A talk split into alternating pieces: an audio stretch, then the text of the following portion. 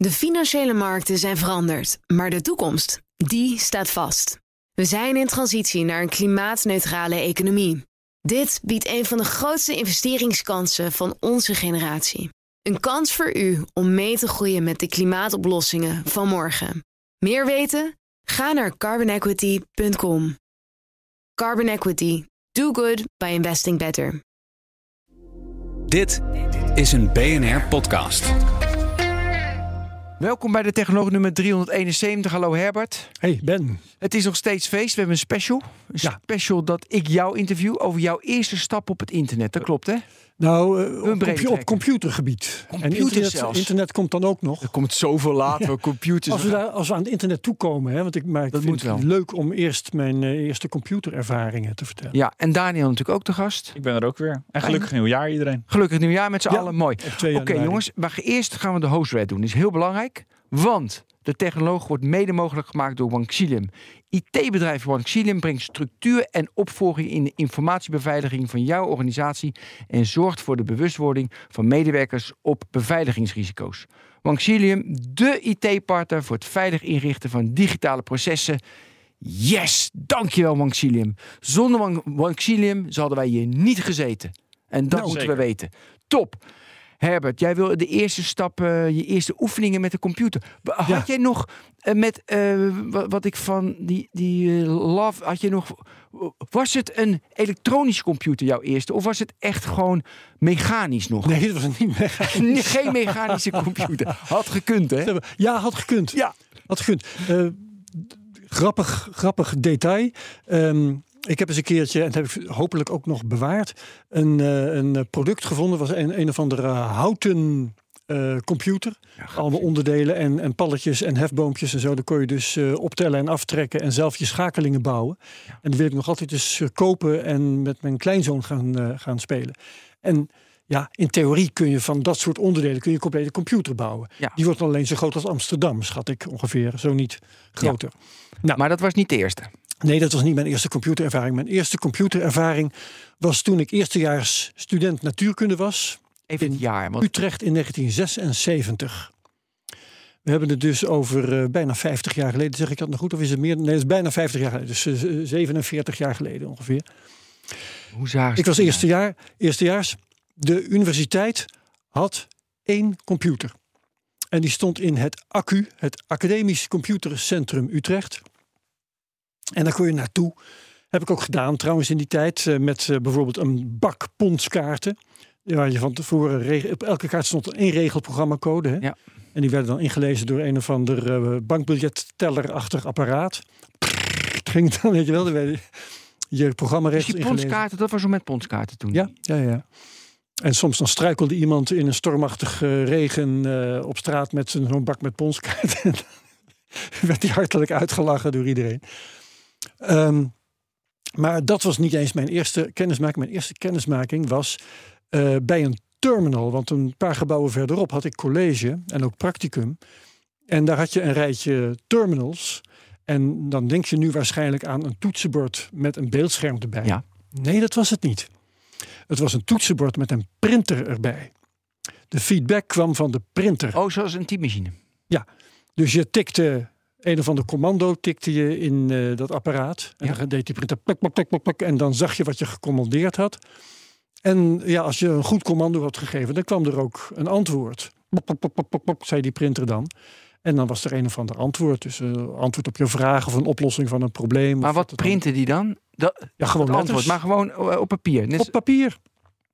Dat was alle feedback die je kreeg. En ik herinner me dus, dat was werkelijk mijn allereerste Want er was geen scherm. Er was geen scherm.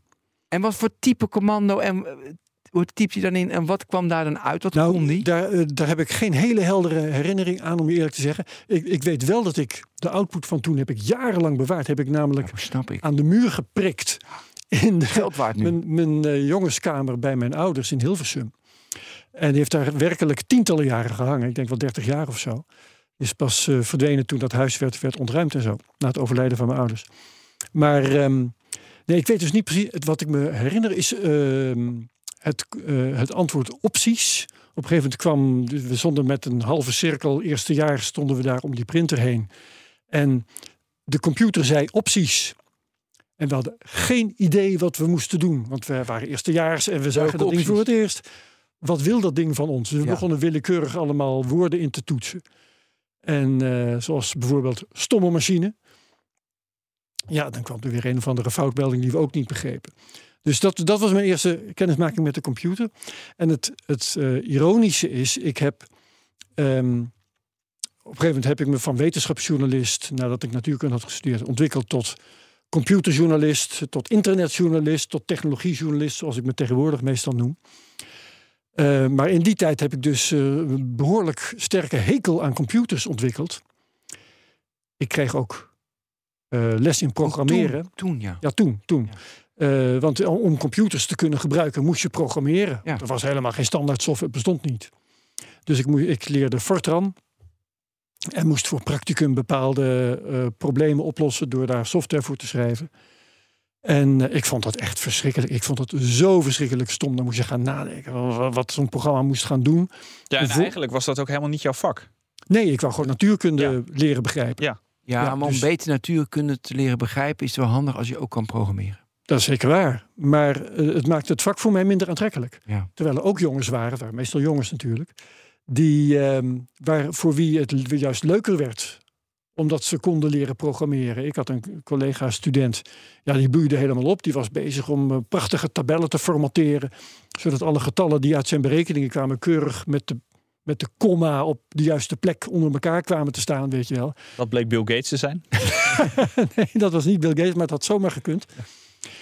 Eh, maar ik vond dat super stom. En, en ik vond het net zoiets als strafregels schrijven. Eh, nou ja, ja, het, was, het, was niet, het was niet wat mij interesseerde. Ik wilde weten hoe de natuur werkte. Hè, hoe, hoe de, de, of de, de dode natuur dan, zoals dat heet. Hè. De, de, hoe, de, de, de- hoe deeltjes werkten en hoe eh, een, een motor werkte, bij wijze van spreken. En dat stomme computergedoe. Ik vond, dat vond ik gewoon Ja, dus niet het programmeren vond je leuk. Dat is grappig, want ik, ik moest op de HTS vroeger eh, moest ik in Pascal programmeren. Maar ik vond programmeren ook niks aan. Want ik was, ik, nu achteraf denk ik, ja, ik, dus je moet natuurlijk heel goed de, eh, eh, ja, van A naar B naar C naar D naar E, F, G. En je moet heel erg de regels volgen. Ja. If this, then that. Ja. En, maar En ik de ben punten heel, moeten op de goede de plaats punten, staan. alle- en de alles moet kloppen. en- maar ja. ik ben nogal chaotisch. Dus ik denk, ja. als ik ergens ben, ja, dat is best wel interessant in mijn hoofd om ook ergens anders naartoe te gaan. Dus ik was eigenlijk misschien te creatief of te warhoofderig of te chaotisch. Omdat, om de, weet je, het kost me heel veel concentratie Ja. om dat heel gedegen te doen. En heel veel later heb ik wel eh, een, eh, een eh, huiscomputer gehad, een MSX 64. eh, Ja, dat is veel later. Heel later. En dacht ik van, nou, ik moet toch in staat zijn om daar een muziekinstrument van te maken. Weet je wel, dat elke toets van het toetsenbord een bepaalde toon opwekt. Nou, dat is natuurlijk ontzettend simpel om te programmeren. En ik kwam er niet uit. Ik, ik dacht, ja, dit, dit vind ik gewoon niet leuk. Dit vind ik gewoon niet interessant. Dit moet ik niet doen. En wat is nou de ultieme ironie? Eh, toen ik net afgestudeerd was, toen had ik wel intussen bedacht dat ik journalist wilde worden. En eh, ik had dus hier en daar al wat ervaring opgedaan voor studentenbladen geschreven. En, en eh, meegedaan aan een of ander experiment met lokale omroep in Utrecht. Dus ik kon wel duidelijk maken dat ik kon wat dingen laten zien, dingen laten horen. Ik kon wel duidelijk maken dat ik ambities had en dat ik eh, nou ja, misschien wat kon. En ehm, toen had een, iemand bij de NOS in Hilversum, die had een aanbevelingsbrief voor mij geschreven aan Teliac. Van jongens, als jullie daar nog eens bij jullie bij Teliac nog eens iemand nodig hebben die dit, dit soort dingen kan. Nou, denk eens aan deze Herbert Blankenstein, met Ja. wie ik goede ervaring heb. Nou, toen ging op een dag bij mij de telefoon op mijn studentenetage in Utrecht. En toen was dat iemand van Teliac die zei van ja, we gaan een, eh, een eh, serie maken, programmeren met Pascal. Ja, dan komt Pascal weer terug. Toen dacht ik, shit, krijg ik een baan aangeboden? Is het verdorie nog een toe met computers programmeren? Dat heb ik toch maar gedaan. En dat was ook heel goed voor mijn, voor mijn loopbaan. Maar dat was niet mijn ideale start in de Oh, omroep. dus er was een cursus in Pascal bij de Teliac. ja, En die dus- presenteerde jij. nee, die, nee, nee, nee, dat was mijn rol op dat moment niet. Eh, ik kreeg een heel eh, eh, bescheiden baantje bij het produceren van de radioprogramma's. Dus Oh, ik mocht mensen Oké, bellen. koffie zetten. Oh. Ja, koffiezetten ook. Maar mensen bellen. Eh, ja, wij maken deze cursus. En we dachten, omdat u verstand hebt van Pascal, dat we u misschien bij ons te gast kunt zijn. Oh ja, in de, eh, en onze presentator gaat dan met u praten, Ja. daar en daarover. Dat was mijn rol toen. Maar goed, die eerste computer dus 76 eh, met die printer zonder beeldscherm. Ja. Wat, wat, wat, deed, je, wat deed je tijdens... Kwamen er, je had maar één computer op de hele universiteit bij je natuurlijk. Dat veranderde trouwens snel. Ja, Want het was denk ik in mijn tweede studiejaar dat in het practicumlokaal in datzelfde gebouw waar die ene terminal stond, ehm, eh, de Apple II's werden binnengedragen. oei. En die kregen toen een rol in het practicum. En dat was ja, voor, de, voor de studenten die dat leuk vonden, was dat echt, eh, ging er een wereld open. Want dan kon je ineens zelf die machientjes programmeren. Ik vond dat dus niet leuk en ik heb dat nooit gedaan. Maar eh, ja, er waren er die hingen de hele week verder rondom die Apple II'tjes. En kwamen nauwelijks meer op college, bij wijze van spreken. Is er van die mensen die de hele dag aan die Apple II'tjes hingen nog iets van terechtgekomen? Of, eh, Nou ja, die collega die ik, geraakt. eh, die ik net noemde, die, die dat geweldig vond en alle tabelletjes keurig netjes eh, maakte in, in zijn, de software die zijn metingen verwerkte, die eh, heeft zijn hele studie in vier jaar tijd gedaan, terwijl ik er zes jaar over heb gedaan. En eh, die ging onmiddellijk daarna door naar het MATLAB van Philips, wat ook Ah, vanaf het begin zijn ambitie was. Dus Ja. Nee, maar dat, dat, ook, dat was waarschijnlijk toen de, ongeveer de meest hoog aangeschreven... ja, dat was, dat was wat je wilde. Dat was je kostje gekocht verder. Ja. Ja. ja, dan kon je daar verder tot je pensioen blijven. Heeft hij waarschijnlijk ook gedaan. ah, mooi. Ja. Oké, dus er kwamen snel andere computers en jij ervaring was dus matig. Het was een moedje. Computers waren voor mij eh, eh, een moedje. En dat is zo gebleven eigenlijk tot ehm, de grafische interface zijn intrede deed. Ja. Dus eh, mijn, eh, ik heb wel zo'n MSX-computer gekocht op een gegeven moment. En eh, daar, nou, daar deed ik spelletjes op en zo. Oh ja, en daar heb ik ook, daar heb ik ook tekst op verwerkt. Ik had op een gegeven moment die MSX MSX-computer en ik had een tekstverwerkingprogramma. Ik weet het nog goed, dat heette ACO-tekst gemaakt door een programmeur genaamd Paul Aco, als ik me niet vergis, dubbel A-C-K-O. Top. En dat stond op cassette. Mijn tekstverwerker stond op cassette. Die moest, eh, dat, dat, Welk eh, jaar sp- spreken we nu? Even. we hebben het nu over, het was kort na de geboorte van mijn zoon. Oh ja, dat is, dat is ook nog wel even grappig om te vertellen. Ehm, op eh, de, eh, het, het, het bed waar mijn vrouw weeën lag te hebben, heb ik nog een foto. Daar stond mijn, mijn schrijfmachine. Ik, nee, ik denk dat ik een paar dingen door elkaar haal. Ehm, maar kort, kort voor de geboorte van mijn zoon, mijn vrouw zal zwanger zijn geweest, ehm, heb ik nog eens een keer een artikel geschreven. En eh, geschreven in klad op een typemachine. Maar als het in klad was geschreven, dan ging ik er van alles nog in veranderen en zo. Dat was versie 1. En daarna moest ik alles nog een keer overtypen. Ja. En toen heb ik op een keer gedacht van dit nooit meer. Ik ga nu digitaal tekst verwerken.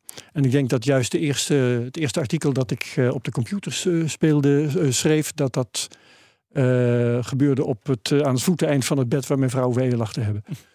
Welk Ehm, jaar spreken we nu? Want dan weet ik we hebben het dan dus over 1987, dat was jouw vraag. 1987 ben ik begonnen tekst te verwerken op een MSX-computer met een tekstverwerker die meer dan vijf minuten nodig had om te laden vanaf cassette. Ja. En dat ook trouwens in ongeveer eh, twee van de drie gevallen niet tot een goed einde wist te brengen. Dus meestal duurde het een kwartier voor ik mijn tekstverwerker geladen had. Ja, ik kan me herinneren dat ik mijn eerste computer kreeg in 88. Was het 88 of Ja. 70? Ik werd toen gesponsord door, voor mij was het Commodore. Ja. En toen, eh, weet je, word je naar een industrieterrein eh, in Amsterdam geloodst.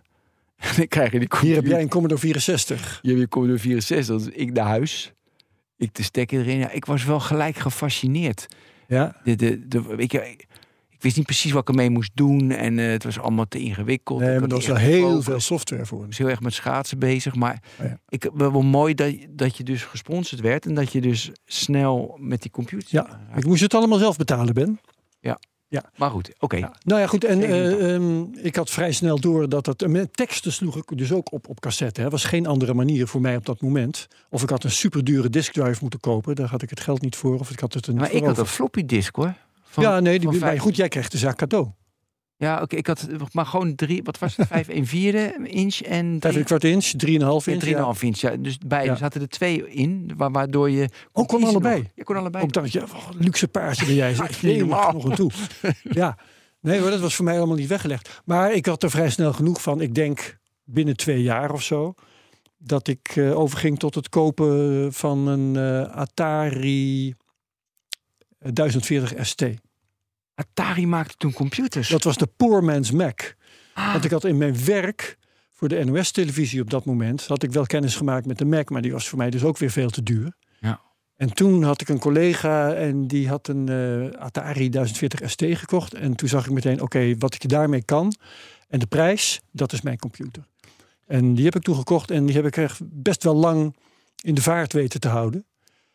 Tot en met dat ik ook, eh, toen ik al lang een andere had, dat ik deze heb bewaard.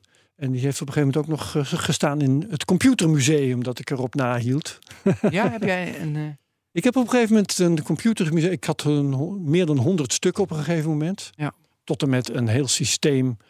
Het merk weet ik niet meer. Maar met zelfs een 8, en, 8 en nog wat 8 inch disk drives. Even een vraag tussendoor, want eh, hoe heb jij alle data op je harde schijven bewaard van hele oude computers? Ik heb ze eruit gehaald, mijn oude computers. En Ja. dan denk ik, nou, dan heb ik de harde schijf nog. Maar ja, hoe ga ik ooit die data daar afhalen? Geen idee. Weet je, wat is natuurlijk, ja, dat is gewoon 30 jaar oud. Herbert is goed in archiveren. Ja, maar, Ja, hoe, ja, maar hoe heb je dat gedaan? Nou, ik zou je vertellen, die, ehm, die eh, teksten die ik ooit op cassette heb opgeslagen, die zijn verloren gegaan. Wat ik nog wel heb, eh, alles wat ik op die Atari eh, 1040 ST heb geschreven, dat ging op 3,5 inch. Hè, want dat ding had een 3,5 inch dis- eh, Ja. disk drive. Ik geloof niet dat ik daar ooit een harde schijf bij heb gehad. Maar al die diskettes, die heb ik eh, later eh, in een PC weten te laden en naar een harde schijf weten te krijgen. Dus ik heb nu nog, ik denk zelfs op, de, op deze laptop die ik hier heb, heb ik de teksten staan die ooit op die 1040 ST zijn geschreven. Daar zitten wat eh, valse karakters in, want het kopiëren van 1040 ST-formaat Ja. naar eh, tekstfiles op een PC, daar eh, gebeuren wat rare dingen bij. ja, Dus dus die wat, zijn niet zomaar te gebruiken, maar uit, in essentie heb ik ze wel. ja, dus wat had ik, ik had moeten doen? Ik heb dus die ha- ha- harde schijf, want toen kreeg die computer niet meer goed aan. En, ik, en, en niet, geen, ik had dus eerder alles moeten overpompen naar een externe harde schijf die nog toegankelijk was. Ja. Ja, stommig. Mijn hele geschiedenis weg. Was je op dit punt al overtuigd van de computer? Je was, eh, de, Ja, zeker Leuke wel. vraag. Wanneer was je... Oh, maar was dat in 76 al? Dacht je toch wel een nee, dom ding? toen was hij, toen was hij Nee, eh, maar ja, je kan wel al visie. Ik vind het niet leuk, maar dit gaat wel iets worden. Ja. Nou, ik denk wel dat de ruimschoots voordat ik er zelf een kocht, hè, die MSX-computer, dat ik doorkreeg dat ik eh, voor de bijl zou gaan. Maar ik heb dat zo lang mogelijk uitgesteld, omdat het voor mij een hele uitgave was. En omdat ik een hekel had aan die dingen. Maar hè, pas de- die, dat geval dat ik beschreef, dat ik voor de zoveelste keer een artikel had geschreven van 2000 woorden voor intermediair. En dat ik dat nadat ik de kladversie had bewerkt tot iets waarvan ik dacht dat is wel ongeveer definitief. Dat ik het nog eens een keer helemaal moest overtypen, alle 2000 woorden.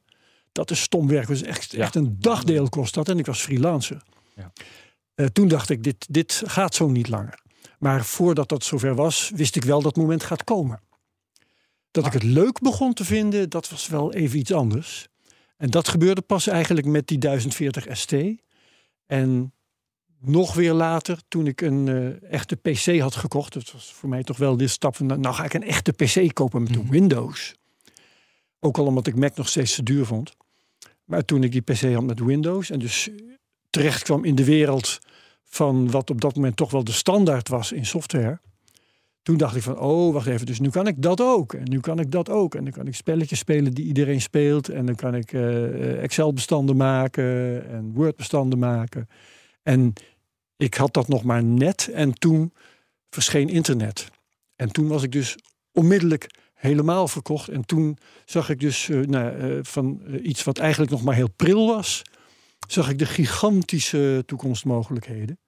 En toen werd ik internetjournalist. En wanneer ging jij op internet? Dat was 94 of 95. Maar dat weet je niet meer precies. Weet ik niet meer precies. Nee. Ik heb mail nog ook eh, op deze PC staan. Netjes. Mail uit 1995 nog.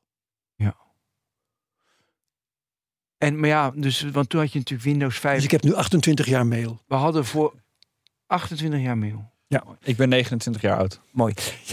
Nee, we hadden vorige week natuurlijk over wat de uptake was van mobiel internet en van mo- mobiel. Wanneer ging het echt groot worden? En Ja. nu is het natuurlijk interessant. Met internet, weet je wel, ik zat erop in augustus, ik weet nog precies, augustus 95, toen had je, Ja. je Windows 95, toen was het echt voor de massa. Windows 95 was de KPN kwam, Ja. weet je wel, dus ik- Trumpet Winsock. ja, een beetje Planet Internet, dus nou makkelijk, weet je, toen, mm, geld erin. Maar jij was natuurlijk, 2400 bout modems. ja, weet je, nee, ik had een, eh, een, eh, wat, een 16, nee, wat was het? Wat, wat- ik had echt oh, die snelheid met dat piepen, fantastisch. Ja. Maar eh, dat was natuurlijk eer weer de gebruiksvriendelijkheid nam onwijs toe. Het was makkelijk, makkelijk aansluiten. Maar jij zat dus nog, zat jij ook in die hype toen? Want ik zat echt bij die hype. Bij mobiele telefoon zat ik ervoor, maar bij internet zat ik echt gewoon. Toen iedereen ging, ging ik ook maar.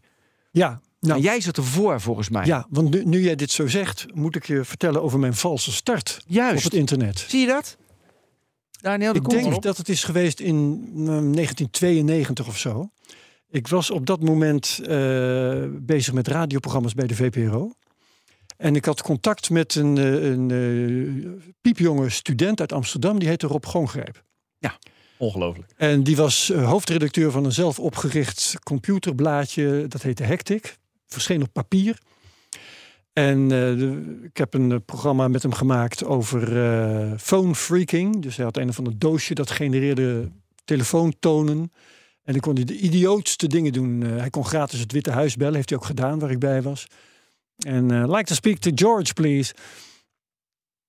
En hij kon, hij kon een, ehm, een telefooncentrale en een telefoniste bellen in Amerika en een andere telefoniste bellen in Amerika en die stiekem met elkaar verbinden, zodat ze allebei dachten dat ze gebeld werden en er een ontzettende spraakverwarring ontstond. Echt heel leuk. Maar die eh, nam mij op een gegeven moment mee naar een, eh, naar een kamer waar verder niemand was. Ik moet je even wat laten zien. En eh, hij startte een of andere computer op. Hij- Dit is, dit, is, dit is nieuw, dit is echt heel bijzonder. Dit heet internet. En nou goed, toen liet hij me verschillende dingen van internet zien. En dat vond ik heel interessant. Ik dacht van dat, dat ja, daar, daar moet ik meer van weten. En ik kwam erachter dat hij die internetverbinding had, dankzij het feit dat hij nog iemand eh, had die die kende bij de universiteit. Hij was eigenlijk gestopt met zijn studie. Of afgestudeerd, ik weet niet meer precies wat. En toen dacht ik, oh, die truc kan ik ook uithalen. Hij zat in Amsterdam, ik zat in Utrecht. En ik had wel contacten bij de voorlichtingafdeling van eh, de Utrechtse Universiteit. Dus daar heb ik contact mee opgenomen. En verdomd, het lukte me om ehm, via die universiteit een internetverbinding te krijgen. Zodat ik e-mail had. En, maar het rare was, ik deelde die verbinding op een of andere manier met iemand anders. Je moest inbellen. Ook moest, met- ik moest inbellen met inderdaad zo'n 2400 baud modem. Krankzinnig langzaam. En dan kwam ik terecht in iets dat heette de, de V-editor. Dus het was allemaal op Unix gebaseerd, als ik me niet vergis. En dat was ontzettend ingewikkeld. Ehm, ik begreep, eh, heb nooit helemaal begrepen hoe dat werkte.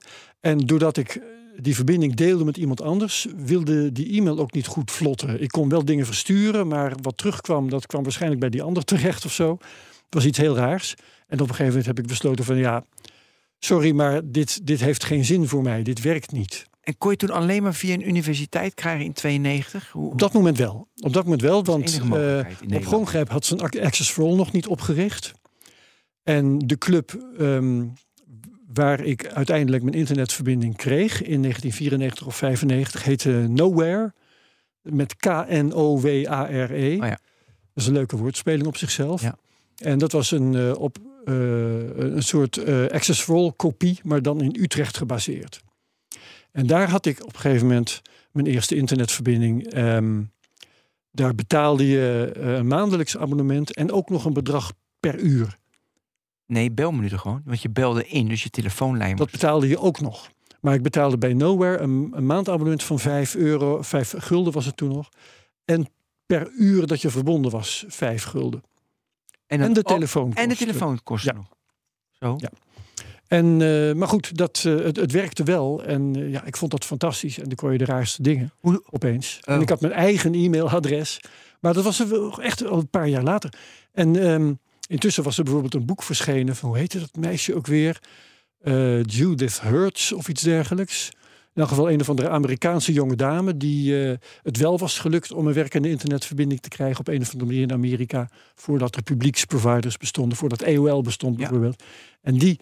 eh, J.C. Hertz was het. J.C. Hertz. H-E-R-Z. En die schreef een boek dat heel veel verkocht is toen. En toen dacht ik, verdomd, als het bij mij iets anders was gelopen, had ik dat boek kunnen schrijven. Ja? Ja, natuurlijk. Alleen, ik, ik kwam niet ver genoeg door technische onvolkomenheden die er toen nog waren. Ja, ik heb hem hier. Surfing on the Internet van J.C. Hurt. Daar Jaar, welk jaar? Welk jaar? 95, 15 januari 95. Maar dat is hartstikke laat.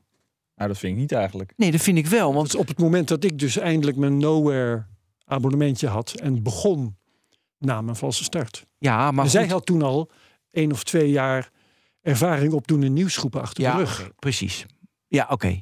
Maar dat boek kwam dus laat. Want toen, wat ik zei, ik was augustus eh, 1995. Had KPN al een commerciële met Ja. Planet. Al een, Ja. een commerciële. Maar goed, je moet een, een boek, hè, je moet eerst ervaring opdoen en je moet het schrijven. Ja. Dus Ja, eh, moet sowieso één à twee jaar moet je daarvoor rekenen. Hoe zag het internet er toen uit?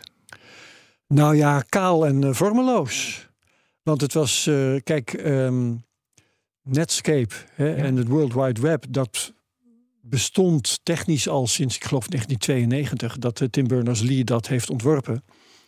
Maar het enige wat echt een beetje werkte inhoudelijk, dat was Gopher. En daar moest je dus Gopher software voor installeren. En eh, ja, dat werkte met rare minuutjes die toch ook niet helemaal begrijpelijk waren. Zoekmachines bestonden sowieso niet. Ik heb in die tijd, dat was 95, 96, heb ik nog een boek gehad. Dat was zo dik. En daar stonden alle websites in. Ja, dat Ja, ik dat ook is- herinneren. Ja, kan ik me ook herinneren. Ja, Dat stond gewoon bij mij op de plank. En als ik eh, dacht van kom, ik ga weer eens onderzoek doen. Ik ga weer eens een website bekijken. Dan bladerde ik in dat boek. Ja. Wat zou leuk zijn Maar dat om... waren alle websites in Nederland. Nee, alle websites ter wereld. Ter En wereld. dat boek was natuurlijk verouderd zodra het Ja, verscheen. ja, zo was het ook wel weer. Maar de, er is dus een tijd geweest dat iemand er brood in zag... om een boek te maken waar alle websites in stonden. Dat idee alleen al. Ja, maar even het idee, eh, refereren naar de uitzending van vorige week. In Japan had je Ja. dus ook gewoon bladen waar allemaal mobiele websites in stonden met een QR-code 2005. En dan kon je dus De naar die mobiele website. Ja, de QR-code in 2005. Daar kijk En ik dan kon je daar naartoe. Ja. Ja. Dat, oh, dat was ook raar dat het bij ons zo laat is. Nou, mede natuurlijk door corona is het nu een beetje populair. Maar dus ook dus inderdaad gewoon een overzicht van wat er is. Maar waarom ik het ook vraag, want dus ik augustus 95, toen had je dus Planet, toen had je gewoon een portal, een wallet garden, makkelijk mensen weten wat ze kunnen verwachten. Ja. Eh, en de Die World Garden heb ik me als journalist dus steeds vreselijk tegen Ja, verzet. natuurlijk. Dat, dat rare Vodafone, dat begonnen met Vodafone Live. nee, maar Hebben, ze, hebben ze de les van CompuServe niet geleerd, dacht Nee. ik toen, weet je wel. Maar, maar weet je, mensen beleven natuurlijk ook in die omgeving, in de planet-omgeving, heel veel mensen Ja. van de niet eh, meer ervaren gebruikers. Eh, dus daar moest ik aan denken.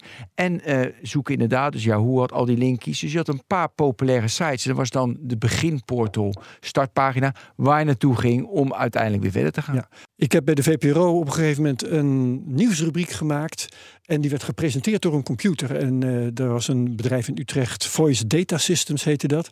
En die had als een van de eerste de mogelijkheid om spraak te synthetiseren op basis van getypte tekst. Dus ik schreef een nieuwsbulletin. En dat liet ik de computer voorlezen. En dat hebben ze me later verboden, omdat het niet om aan te horen was. En ik ga ook nu ehm, vertellen dat het allereerste woord dat je gaat horen van deze computer in dat nieuwsbulletin is Japanners. Ben, let goed op. Japanners, die bijna dood zijn geweest, komen terug met andere ervaringen dan Westerlingen, die uit de dood zijn herrezen. Dat is naar voren gekomen, uit een Japans onderzoek. Westerlingen, die klinisch dood zijn geweest, komen meestal terug met verhalen, over zweven boven hun eigen lichaam. Of over wandelingen in tunnels van licht. Maar acht van de 17 Japanners bewogen zich tijdens het sterven over het water. Rivieren en vijvers waren goed vertegenwoordigd. Briljant, Wetenschappelijk nieuws, echt goed. voorgelezen door de computer. Weet je waar ik aan moet denken nu ik dit hoor? Geen idee. Nou kijk, we, alles moet goed zijn. Dus door AI en stemkloon is 100% Ben. En we kunnen het onderscheid niet meer zien. En, en alle deepfakes, we kunnen het onderscheid. Alles perfect. Eigenlijk, weet je, dit is niet perfect. Nee. Maar straks in de toekomst, er moet iets, weet je, een- een kunstenaar zegt altijd: de carves, de, de, de scarves maakt een kunstwerk mooi. Dus eigenlijk, als het fout gaat, als het misgaat, als het menselijk is, als je denkt van, oh jee, wat doe ik? Weet je, dit, weet je, dit doet mij iets. Denk je, wat een aparte gek. Als het nu gewoon strak, een computer had het strak voorgelezen, denk je, ja, prima strak, perfect. Ja. Dus we moeten juist die, die, daar doet het me aan denken. Dat het niet perfect Ja, dit was hard werken. Maar ook in de manier waarop dat gemaakt werd, denk ik. Ehm, nou ja, kijk, toen Voice Data Systems eenmaal deze software had, toen kon je gewoon eh, de tekst invoeren en er kwam de audiofile eruit. Ja. Maar wat Dat was, was niet moeilijk. dan? Nou, voor hun was het hard werken om die software te maken natuurlijk. Voor mij was hard werken omdat ik fysiek, ik moest persoonlijk bij dat bedrijf langs met mijn schijfje met de tekst. Ehm, tussen dat ik hem geschreven had en dat ik mijn programma moest maken. Gelukkig lag Utrecht op de route van Houten naar Hilversum. Ehm, en eh, vervolgens moest ik dat op een of andere manier in mijn programma verwerken. Ja. Dat was allemaal nog op band. Hè? Dus het is, was echt een hele andere productiegang dan hoe wij tegenwoordig programma's maken. Eh, dit, pro- dit fragment, dat wordt zo direct in het programma gehangen. Dus dat is nu in het programma gehangen. Dat andere fragment, dat wordt er eh, in gehangen eh, op digitale wijze. Dat gaat allemaal heel makkelijk. Maar destijds was het echt, echt een hele andere tak van sport. Ja, tuurlijk. Moeten we dat andere fragment ook nog laten horen van een radio online? Ja, want daarmee wilde ik dus laten horen Nou, hoe wij in radio online eh, journalistiek bedreven. Bedrijf X heeft een website. Nou, daar gaan we het dus over hebben. Ja, gaan grappig. Even bedrijf X vertellen waarom ze een website eens, hebben kom eens, jongens. Radio Online uit 1997. 97. Live hier bij, bij de Techno. Gezellig. Meer informatie op onze homepage www.tros.nl. In dit uur een nieuwe online nieuwsdienst van de Telegraaf. Het Hollands Huishouden, een site die al een poosje bestaat, kaapt de naam opzij.nl naar het gelijknamige vrouwenblad. Liefhebbers van lichtfietsen hebben een eigen site. We plukten weer muziek van internet en Francisco van Jola gaat ons bijpraten. Maar eerst gaan we boodschappen doen. De supermarktketen EDA onderzoekt de mogelijkheden van een supermarkt op internet. De eerste virtuele EDA is zelfs al geopend en wel al in Venendaal. Wat is jouw stem veranderd trouwens, even tussendoor? Best wel, hè? Verschrikkelijk veranderd. Het, Hey. het, het klinkt ook een beetje mat, vind ik. Ja, maar Ja. mag ik? Ik heb nu ook een opmerking over dit fragment. Kijk Herbert, wat je doet is heel erg... hey, een nieuwe website. hey, een nieuwe website. Wat we dus Ja, jarenlang dat was ook toen nieuws. Dat was nieuws. Ook met apps. hey, een nieuw appie. hey, de, dit is het nieuws. Dit is het nieuws. Dus dat is wel leuk. Je begint dus gewoon wat, wat, wat, wat, wat. En daarna krijg je de analyses. Waarom hebben ze die eh, website gemaakt? Wat betekent Ja. die website voor de samenleving? Hoe- Hoe gaan mensen daarop reageren?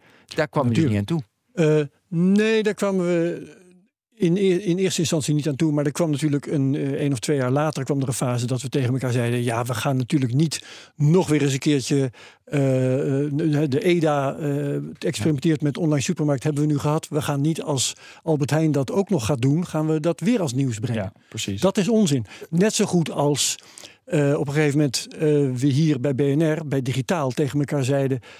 Luister eens, als nu weer een organisatie zich bij ons meldt van hey, we, wat we altijd al deden, doen we nu via een app. Sorry hoor, maar daar gaan wij Ja, een geen, blockchain. geen eh, item in digitaal meer over maken. Ja. Nee, maar oké, ja, logisch. Dat houdt ik weer op. Maar wat ik, dus je had niet, en dus dat was het format van het onderwerp niet, maar had je het er vaak over, over wat internet betekent voor de samenleving, hoe de machtsstructuren gaan lopen. We hadden het net over Netscape eh, versus, eh, versus Internet Explorer. Weet je, dat is een machtsstructuur die verandert. Hadden jullie daarover? In- in die tijd? Of was het meer van, Ja, ik denk mooi, het mooi, mooi, wel. Eh, daar heb ik niet direct zo'n concrete herinnering aan, moet ik eerlijk zeggen hoor. Dat we, dat we eh, op die tour gingen. Maar eh, iets wat, waar ik nou toevallig aan moet denken. We hebben het op een gegeven moment ook gehad over de eerste eh dating sites. En het natuurlijk over gehad hoe dat het eh, liefdesleven van eh, Nederlanders en trouwens mensen overal ter wereld eh, zou gaan veranderen. Omdat je natuurlijk veel makkelijker met elkaar in contact kan komen met mensen. Veel verder in een veel grotere kring met elkaar in contact, contact kon komen. Of juist kandidaten kon vinden die bij jezelf in de straat woonden, bij wijze van Ja. spreken. Dus dat, dat soort veranderingen in het leefpatroon van mensen, ja, daar hebben we het wel degelijk over gehad. Hey, en dan gaan we verder, want dan eh, hadden we weet je, al die start-up. Je, je- hebt toen ging je de bubbel mee maken. Ja, En eh, nou ja, er zijn heel veel voorbeelden. De pets.com. Dat je aandelen kocht en dat die vanzelf omhoog gingen. Dat Ja, d- d- eh, ben ik gebeurde bij ons op de dit redactie heb- ook. Dit heb ik dus ook niet meegemaakt, maar ik vind het wel een fascinerende tijd. Dat was fascinerend. Hoe, hoe jij zat, je, ja, ik bedoel, het was, je was journalist, je zat er middenin, eh je maakte radio over internet. Eh, Hoe heb jij dat meegemaakt? Want de- ik, je, je snapt wel, maar, Kraaiend van pret. ja. Dus vanaf, vanaf de, wat we net, het fragment wat we net lieten horen was 97. Nou, dan eh, zit, zit iedereen zich te verwonderen op, eh, de, op websitejes die online komen. Dat gaat dan al richting dat, volgens Ging mij, hard, hoor, al dat, toen. dat gevoel van die, van die bubbel. Er gebeurt Ja. iets, eh, er Ja, moet ja, ja, geld toen was het echt al vol, vol bezig. Maar, maar ook de totale onzin. Hè? Want eh, we hebben ons ook wel op het hoofd zitten krabben over pets.com. Ja. En over, eh, want het gaat dan over de online supermarkt.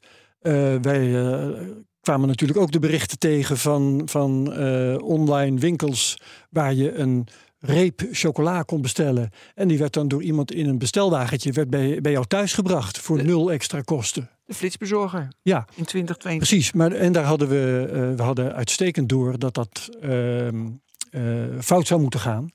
En dat ging tot onze eigen verbazing eigenlijk pas fout in 2000 of 2001, ik weet niet meer Eh, precies. 2000. Dat, eh, Ja, oké. April, mei volgens mij. Ik, ik herinner me nog dat ik eh, Vincent Everts, die toen ook al eh, een redelijk bekende Nederlander was, dat ik die heb gemaild van de CD Now is failliet.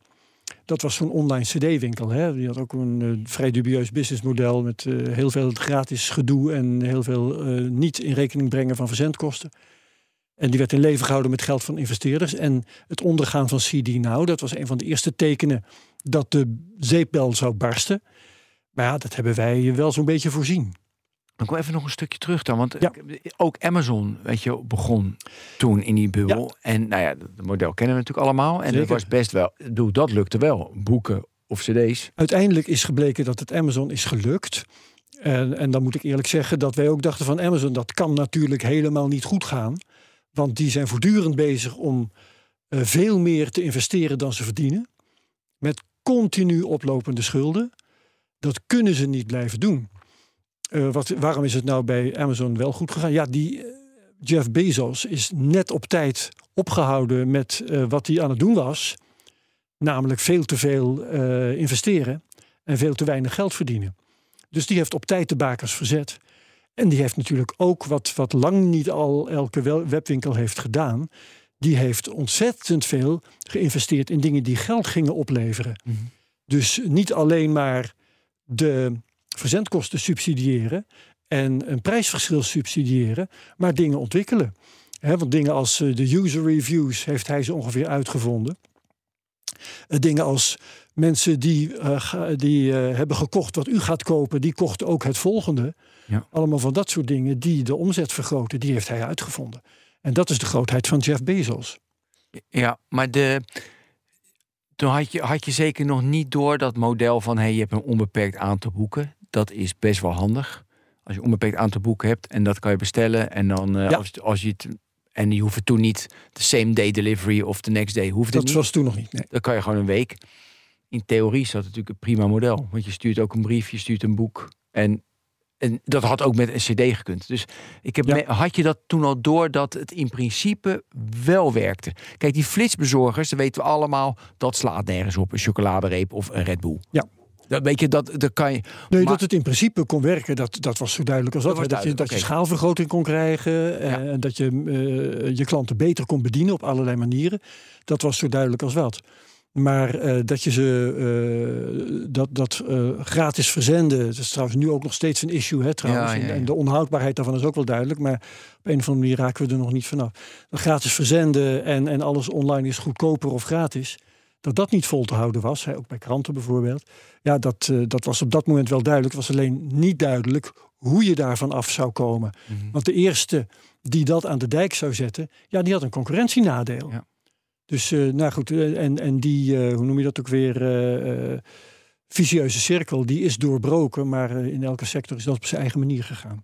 Maar eh, ik zei net, je, je zat er middenin en zeg maar begin 2000 of zo de barstte die bubbel. Hoe heb jij daar verslag van gedaan? Wat was toen de sfeer in de programma's die je maakte? Ik, Heb je ik, Nina Brink ooit geïnterviewd? ik heb Nina Brink, Nina Brink zelf, ja, eh, volgens mij wel. Leuk En dat had ik ook wel graag. Kijk, eh, World Online, heel, heel grappig voorbeeld. Ehm, omdat World Online allerlei dingen deed die heel erg fout waren. Eh, die hadden een, eh, heb ik later gehoord denk ik hoor, maar die hadden een helpdesk. Waar als de rijen te lang werden, dan trokken ze gewoon even de stekker eruit. En iedereen in de rij stond, die had zijn verbinding verbroken en kon weer opnieuw beginnen. En dan zeiden ze zo, oké, we hebben weer een, eh, een wachttijd van nul. Ehm, die hebben op een gegeven moment hadden ze, eh, dat hebben we live in de uitzending gehad, maar dan met een woordvoerder. Hadden ze een of andere inlog eh, CD-ROM gemaakt. En als je die opstartte thuis, dan ging er iets mis. Ik weet niet meer precies wat. Maar ik weet wel dat wat er misging, dat het aantoonde dat het gewoon niet getest was. Want het ging altijd mis en bij iedereen. Dus kon ik aan, live aan de, aan de woordvoerder vragen: van, Dit bewijst gewoon dat jullie het niet getest hebben. Hoe kan dat nou? Dan had hij een van de slap verhaal. Waarmee hij zich eh, niet wist te redden. Maar dat hadden we dus. En Nina Brink zullen we gehad hebben, maar ik weet niet precies ehm, bij welke kwestie precies. Omdat zij natuurlijk niet altijd beschikbaar was. Ja. Maar ik heb er wel gesproken. Ja. Maar World Online, ja, die, de, de aandelenverkoop van World Online, daar hebben we natuurlijk bovenop gezeten.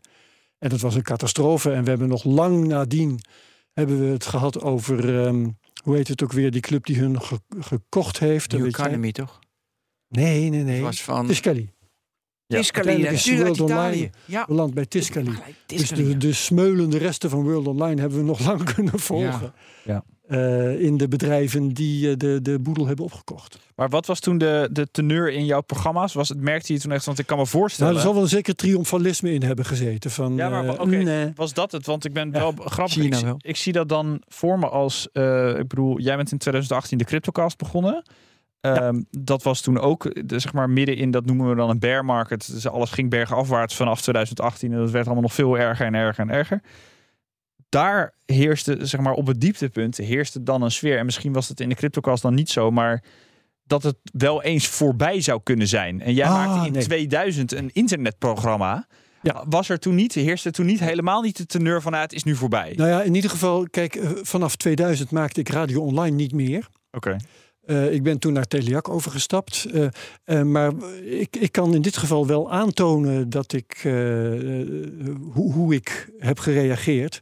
Want eh, vanaf 2000, toen die internetzeepel was gebarsten. eh, toen ontstond inderdaad een sfeer van ja, dat internet is niks. En het wordt niks. eh, je kon ook eigenlijk altijd wel weten dat het niks zou worden. En toen heb ik me daartegen verzet. Ik heb toen in NRC namelijk een opiniestuk geschreven waarin ik op een rij heb gezet wat dat World Wide Web intussen had opgeleverd. En dat was dan niet zozeer goed functionerende internetbedrijven, want daar had ik ook wel eh, sceptisch over en steeds gehad. Maar dat was dat mensen hun eigen website konden bouwen. En dat mensen konden e-mailen met iedereen ter wereld. En allemaal van dat soort verworvenheden. Die heb ik toen op een rijtje gezet. Dus eh, ook al ligt die, eh, die commercie op internet nog op zijn gat. We moeten wel zien wat daarvan komt. Maar gewone mensen hebben er een, echt een wapen bij. Waarmee ze in, informatie kunnen verzamelen, zich kunnen uiten, met elkaar kunnen communiceren en dat soort dingen. Dat vond ik op dat moment de verworvenheden van internet. En die waren er nog steeds. Ik zie je wel parallellen. Met de crypto bedoel je? Ja, dat vind ik heel grappig. Nou, omdat er ook, nou we ook al een Ja. paar keer, eh, ik zeg we, gewoon de, de jij crypto-wereld heeft een paar keer meegemaakt dat je inderdaad vreselijk teleurgesteld raakt in de bedrijven die op de infrastructuur aan het bouwen zijn. En eh, jij zit nee te Dat is schudden. totaal anders. Ja, oké, ja, dat vind ik dan fascinerend. Nee, maar, maar leg eens uit. En dat, dat, dat, waarom? de technologie, de bitcoin en dan in, in eh, ook zekere mate Ethereum en alles wat daarna komt, stablecoins, et cetera. Dat die er is, dat er is een bepaalde techniek die, die kunnen we gebruiken, die gaat niet meer weg. Eh, maar dan de bedrijven zoals een FTX, Ja. dat je daar net als je pets.com Oh ja, dat is een leuke of ja, Online, dat, dat, je daar de bedrijven die dus op die infrastructuur hebben gebouwd, Precies. Het, het commerciële hebben ge- het commercieel hebben gemaakt, dat dat Al die oplichters die hun, hun kaartenhuizen hebben gebouwd. Celsius en. Voyager en eh. Genesis, FTX inderdaad. Terra Luna, Ja. eh, 3AC, noem ze allemaal maar op. Eh. Binance eventueel nog in het rijtje zetten, maar dat hoeft niet. Die zijn kapot. Maar wij gewone mensen, wij kunnen gewoon onze bitcoin kopen en vasthouden. En eh, eventueel elkaar betalen als we daar zin in hebben. Dat hoeft niet eens. eh, maar eh, dus die mogelijkheid hebben wij gewoon. Het Pakt niemand ons af. Wat Ja. voor bedrijven er ook failliet gaan. Ja. Nee, dus dat snap ik. Dat snap ik ook. Eén één klein tegen. Kijk, internet in 2000, weet je, de, de potentie dat het echt de hele wereld zou veranderen. En echt op zijn grondvest en dat alles anders zou worden. Bedoel je nou internet of Ja, crypto? internet. Internet, ja. Was wel iets de belofte en de, en de structuren wat er echt anders zou worden. Is wel van een grotere schaal dan crypto. Ja, nee, dat, Oh dat- ja. ik denk ook niet dat dat precies. zo... Nee. Dus wij hadden al Hoewel we nog niet weten waar crypto eindigt. Hè? Dus misschien eh, wordt- pas op. Maar de impact nog veel groter dan famous last words ooit zou hebben. van eh, Ben, ja. Maar, maar, ik, maar in- hadden we toen al echt door van... Hey, dit is wel fundamenteel, gaat er gewoon alles veranderen. Je had alleen boeven. En die boeven die haakten af. En ook domme modellen. Maar toen was het echt modellen... hoe meer geld je erin gooit in die put, hoe beter.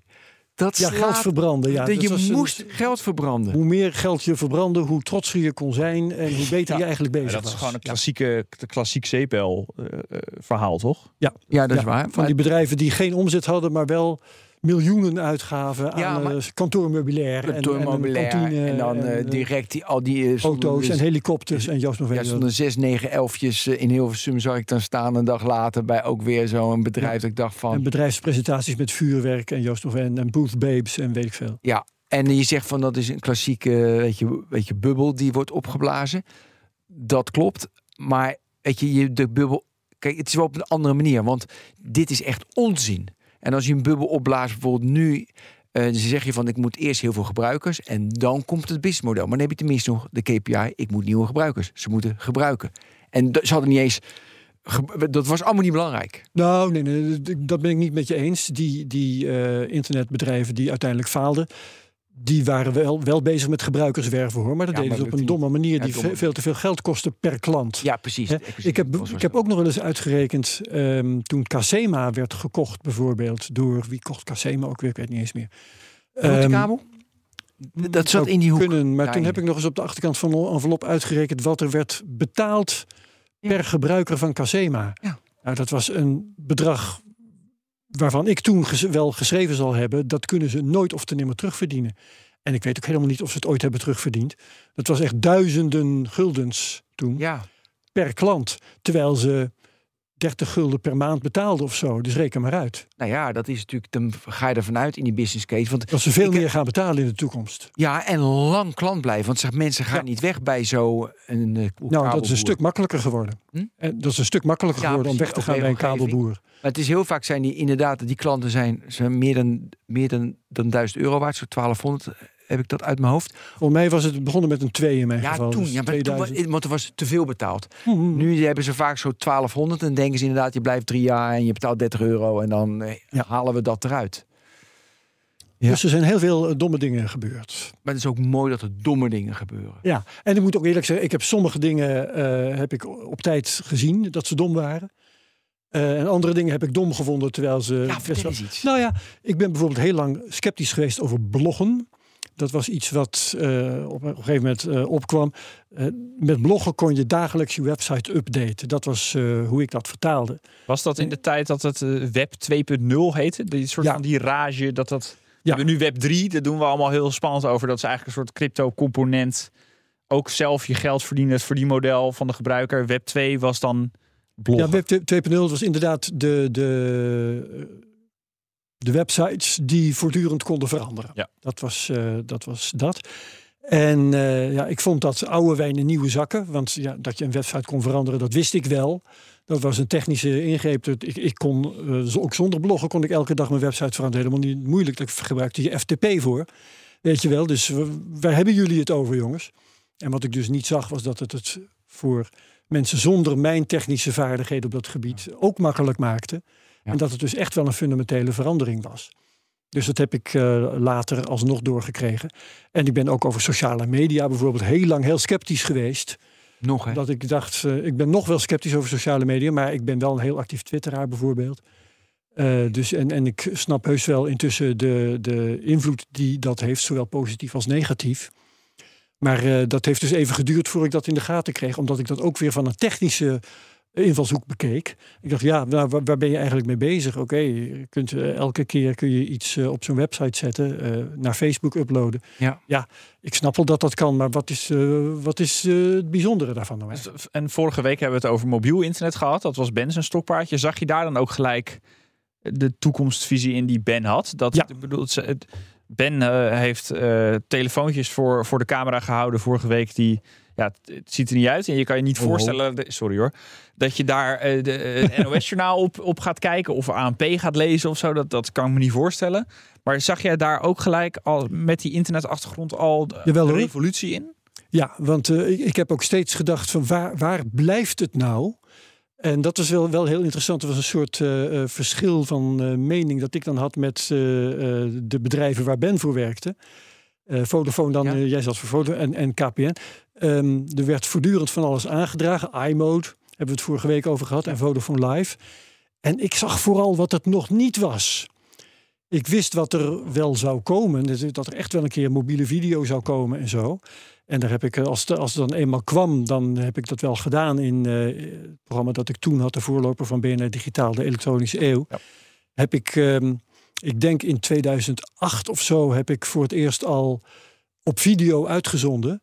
Met Ustream heette dat, geloof ik. Ja. Eh, eh, via een of andere website ging dat. Het, het woord app kenden we toen nog helemaal niet.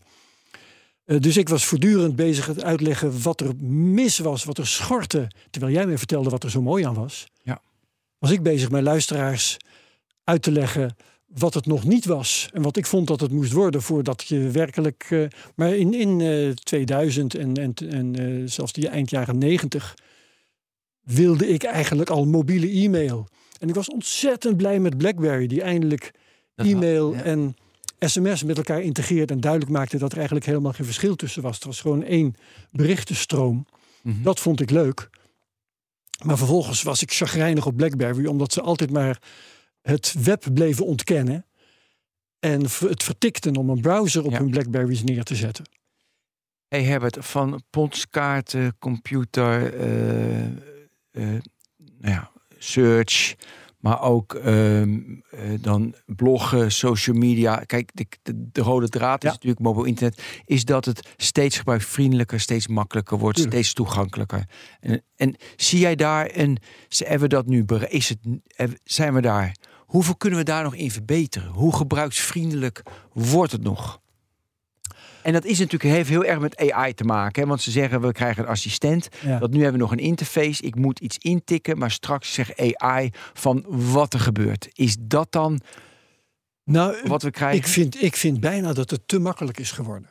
Weet je waarom? Ehm, het is eigenlijk al wel weer een paar jaar geleden, denk ik, dat ik eh, doorkreeg dat eh, eh, allerlei mensen dingen konden zeggen als: nee, internet dat heb ik niet. Ja, Facebook dat heb ik. Mhm. En eh, dat zeg India je nog dat. steeds hoor.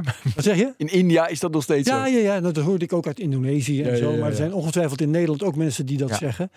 Ehm, en het jammere daarvan vind ik, dat- nou, die mensen eh, hebben dus niet door dat internet een voorwaarde is voor Facebook. En dat Facebook eigenlijk maar iets is wat bovenop het internet is gebouwd. Ja. En dat als je jezelf beperkt tot Facebook, dat je jezelf dan tekort doet. En ik, ja, ik zou eh, het liefste willen dat mensen begrijpen dat dat zo is. En dat ze meer gebruiken dan alleen maar Facebook. Want als je alleen maar Facebook gebruikt, hè, of nou, tegenwoordig is het dan TikTok. En er zal vast wel weer een opvolger komen die net zo verwerpelijk en pover is als, eh, als TikTok nu is. Ehm, maar dan, het, is, het, is, het is beter als je, als je die andere aspecten van het internet ook weet te beheersen en te gebruiken. Want dan ben je, ben je beter gewapend tegen de commercie die, zich, die eh, anders jou in zijn greep heeft. En w- waar zie jij initiatieven ontstaan dat juist dat makkelijke minder wordt? Dat, ze, dat er juist meer frictie komt? Ja, eh, alsof dat een verdienst is natuurlijk, maar inderdaad. ehm, nou ja, kijk, als eh, Tim Berners-Lee, ehm, eh, hoe heet het ook weer? Net hadden we het er nog over, Solid eh, ontwerpt als een standaard die mensen in staat stelt om hun eigen data te beheren, dan vind ik dat heel mooi. Het is, eh, en natuurlijk ook eh eh Margreet Stikker hier in Nederland en Geert-Jan Bogaerts die we hier eh, Public in, Spaces. met Public eh, Spaces, Public Spaces. Dat zijn allemaal mooie initiatieven. eh, die ook een beetje altijd tot mislukken gedoemd zijn. Hè? Want hoe, ze maken het juist ietsje ingewikkelder voor mensen. En die hebben daar dus helemaal geen zin in. Aandoenlijke initiatieven. Ja, en die wij vanuit de technoloog ontzettend moeten helpen en aan het woord moeten laten. Zodat toch zoveel mogelijk mensen daar met interesse naar kijken en het hopelijk gaan gebruiken. Maar dat gaat nooit de massa ehm, vangen, omdat die massa toch kiest voor het gemak. En dat wordt geboden door hele grote Amerikaanse internetbedrijven die het allemaal vreselijk makkelijk maken en daar vervolgens zelf van profiteren. Ja. En dan krijg je wat Cory Doctorow noemt eh, de enshittification, weet je wel. Die term is hier wel vaker gevallen. Dan krijg je dat die grote internetbedrijven die behagen eerst het grote publiek. Mhm. Als ze het grote publiek hebben, dan stellen ze commerciële klanten van hun in staat om eh, het grote publiek eh, het naar de zin te maken. En als ze die commerciële klanten hebben, dan gaan ze zelf van die commerciële klanten profiteren. En allemaal ten koste van het gebruiksgemak en, en eh, eh, het nut voor de gebruiker. Zodat het een eh, shitty experience wordt voor ons allemaal. Ja, maar juist hebben we het zo van het wordt steeds makkelijker voor de gebruiker. Het is meer een beperkte experience. Dus zij, Ja, Een hele makkelijke eh, experience die eh, ja, eh, je lang niet biedt wat het had kunnen zijn. Ik heb nog een vraag. Oké. Ik ken jou een beetje, Herbert. Eh, ik weet een klein beetje hoe jij in elkaar zit. Oh jee, heeft, oh jee. het, heeft het internet en de, de computer de verwachtingen die je had, bijvoorbeeld in, weet ik veel, 1985 of 19, 70. of ne- nee, weet ik, Maar internet hebben we het over. 1985 of 1995 met internet uiteindelijk. Heeft dat je verwachtingen waargemaakt? Ik bedoel, we zitten nu zeg maar eind 2023. Als je terugkijkt op die tijd, weet Ja. je nog hoe je dacht over de periode waar we nu in zitten? Stel je voor 40, 50 jaar, waar kan dit heen leiden? Heeft dat je verwachtingen waargemaakt? Ehm, voor een deel wel, denk ik, ja. En dat, dat is ehm, omdat ik durf te zeggen ik, dat ik altijd sceptisch ben geweest. Eh, want diezelfde Marleen Sticker eh, ehm, was toen heel optimistisch en had het over het eh, voeden van het publiek met, met ruwe informatie. Weet je wel, alle kamerhandelingen zouden openbaar worden. Zijn ze ook geworden, heeft ze gelijk in gehad. En allerlei andere, allerlei ander bronnenmateriaal zou bekend worden. Journalisten zouden hun bronnenmateriaal kunnen publiceren bij de artikelen die ze schrijven. Dat doen ze ook. Dat soort dingen betoogde Francisco van Jolen volgens mij ook in die tijd. En je zou de president van de Verenigde Staten zou je kunnen mailen. Dat kun je ook, hè, president at eh, whitehouse.gov. Stuur maar een mailtje. Hij gaat het niet lezen, maar je kunt het sturen. En ik heb op de, tegen dat soort dingen steeds ingebracht van... ja, je kunt dat mailtje wel sturen, maar dacht je dat hij het gaat lezen? En je kunt die bronnen wel publiceren, maar dacht je dat jouw lezers die allemaal gaan checken? En je kunt die kamerhandeling wel publiceren, maar dat is echt niet tevreden hoor. Ehm, dus gelukkig heeft het allemaal wel een functie, want er zijn gelukkig mensen die dat wel tot zich nemen. Maar het publiek is daar totaal niet in. Dus ik ben altijd veel cynischer geweest en ik heb de gemakzucht van het publiek volgens mij wel een beetje voorzien.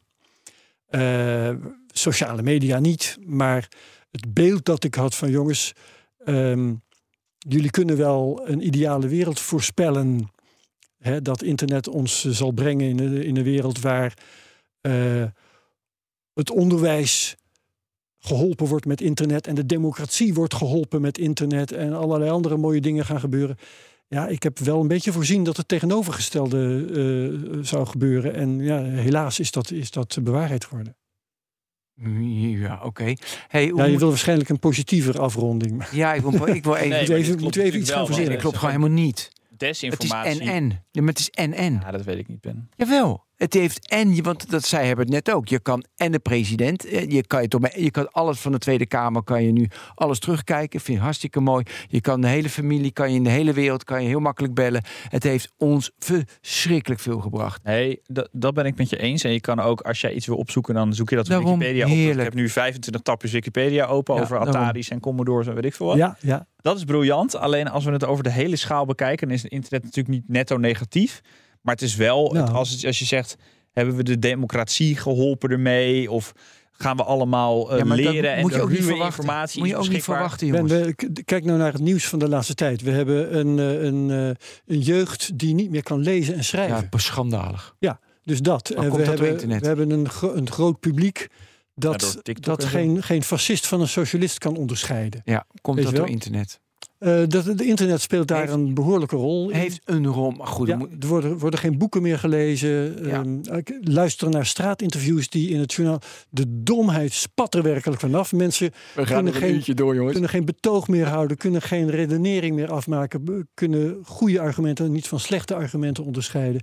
En dat is ehm, misschien niet speciaal internet, want Kijk je naar Duitse straatinterviews, Engelse straatinterviews, zijn de mensen een stuk intelligenter. Ik zweer je dat het waar is. Dus het heeft ook een beetje met Nederland te maken. Maar het internet heeft daar een hele slechte invloed in. Ja, dat vind ik wel. Ja, dit vind ik echt een topafsluiting. Keiharde conclusie. Nee, mensen, ja, het is begin streng zijn. 2024 en streng zijn. En mensen blijven hier gewoon een heel jaar over nadenken. Dat hoop ik wel, maar ik heb mijn twijfels, Ben. Dat denk ik ook, ja. Nasdaq gaat onmiddellijk weer 70% naar beneden. Ja, deze precies, ja. Mensen gaan gewoon na deze uitzending weer naar TikTok. Gaan ze horen. Mooi. Hey, Herbert, hartstikke bedankt. Fijn, hartstikke was me genoegen. Ja, Daniel, bedankt. Jullie ook bedankt, jongen. Dit was eh, 371 van de Technoloog. Veel plezier. Hoi, hoi.